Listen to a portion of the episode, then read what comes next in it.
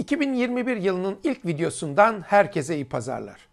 Bu hafta amacımız e, bir yeni yıl videosu çekmekti ancak koronavirüs gündemi yine buna izin vermedi. Cuma günü yani yılın ilk günü ülkemizde İngiltere'den gelen 15 kişide yeni koronavirüs varyantının saptandığı ve İngiltere'den tüm gelişlerin durdurulduğu açıklandı.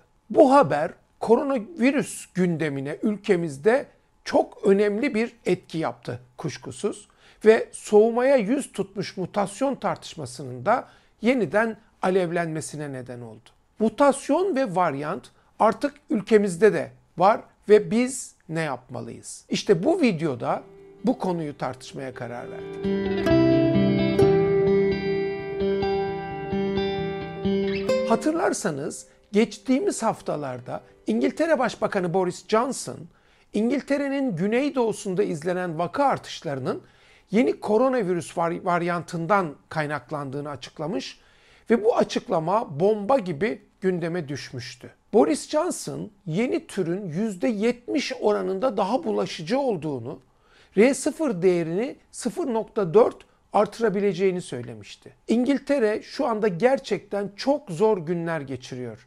Salgın kontrolden çıkmış durumda ve günde 55 bin vaka 900'den fazla vefat bildiriliyor. Varyant Kasım ayında Londra'daki vakaların %28'ini oluştururken Aralık'ta bu oran %62'ye yükseldi. Şubat ayı ile %90'lara kadar çıkması bekleniyor.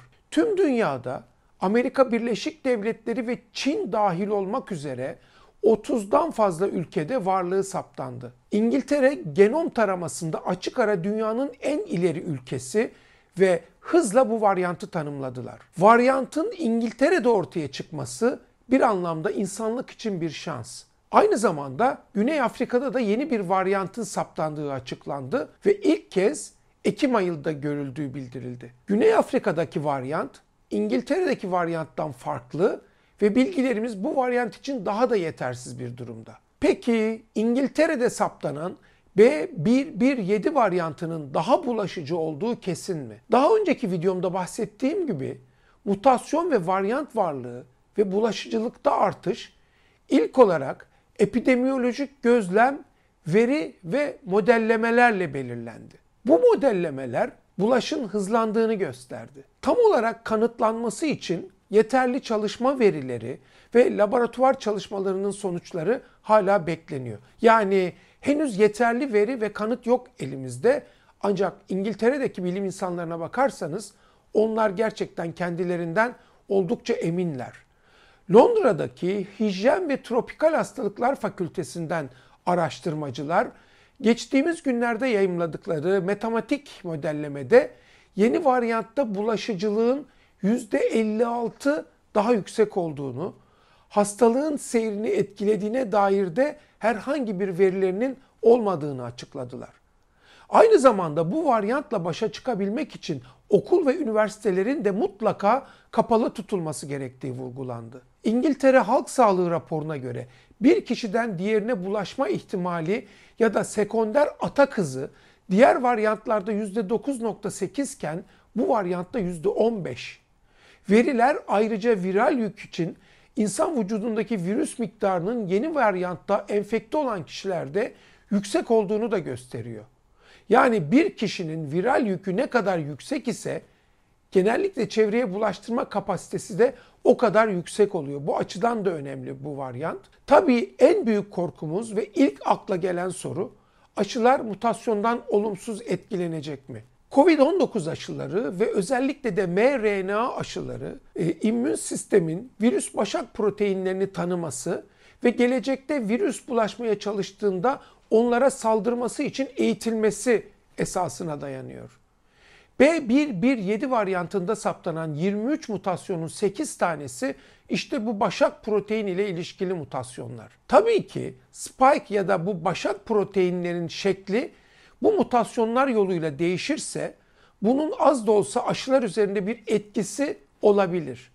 Ancak öte yandan bilim insanları aşılarda özellikle de inaktif aşılarda virüsün birden fazla farklı bölgesine karşı antikor yanışı oluştuğunu, o yüzden sadece bir mutasyonun aşıları tamamen etkisiz kılmasının mümkün olmadığını söylüyorlar. Şu anda İngiltere'de tespit edilen bu mutasyon grubunun aşıların koruyuculuğunu azalttığına dair gösterilmiş bir çalışma ya da herhangi bir kanıt yok.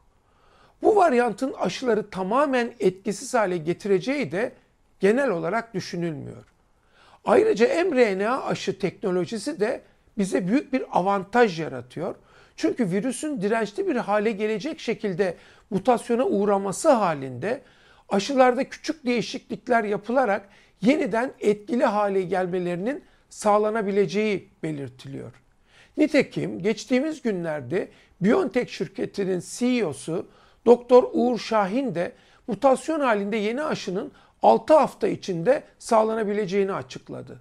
En önemli noktalardan bir diğeri de R değeri. Yani e, virüs bulaştırma katsayısı. Bir kişinin virüsü bulaştıracağı kişi sayısı.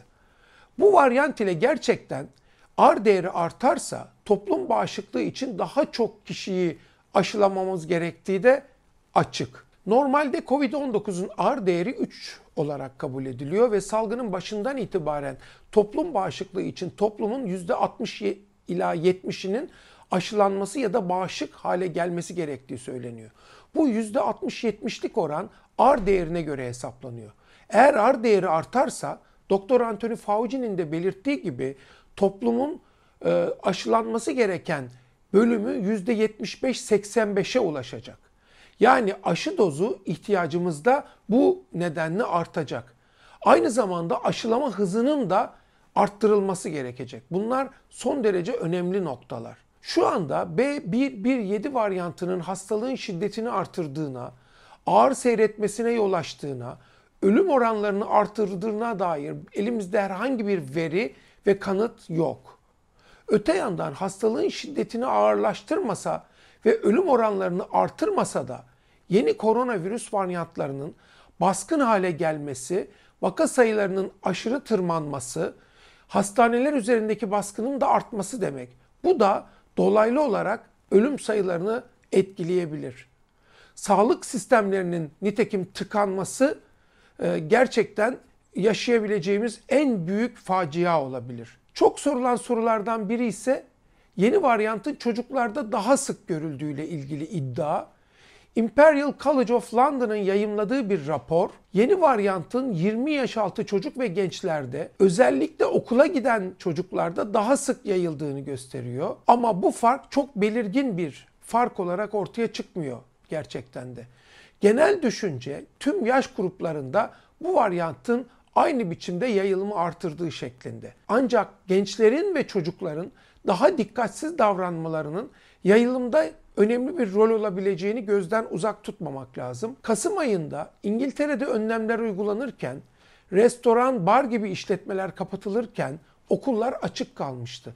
Bu yüzden yetişkinlerin hareketlerinin daha kısıtlı olması, çocukların ise okullarda daha aktif olması çocuklarda görece bir hızlı yayılım nedeni olabilir. Peki mutasyon artık ülkemize de geldiğine göre biz ne yapmalıyız? Virüs mutasyona uğrasa ve bulaşıcılık artsa da uymamız gereken önlemler yani maske, fiziksel mesafe ve el hijyeni hep aynı.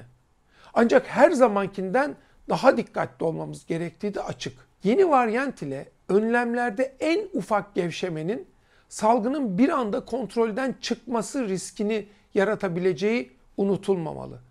İç mekanlar bulaş açısından çok tehlikeli yerler. İç mekanlarda özellikle de iyi havalandırılmayan yerlerde başka insanlarla bir araya gelmekten ne olur kaçının ve sosyal mesafenizi iyice ve dikkatli bir şekilde ayarlayın.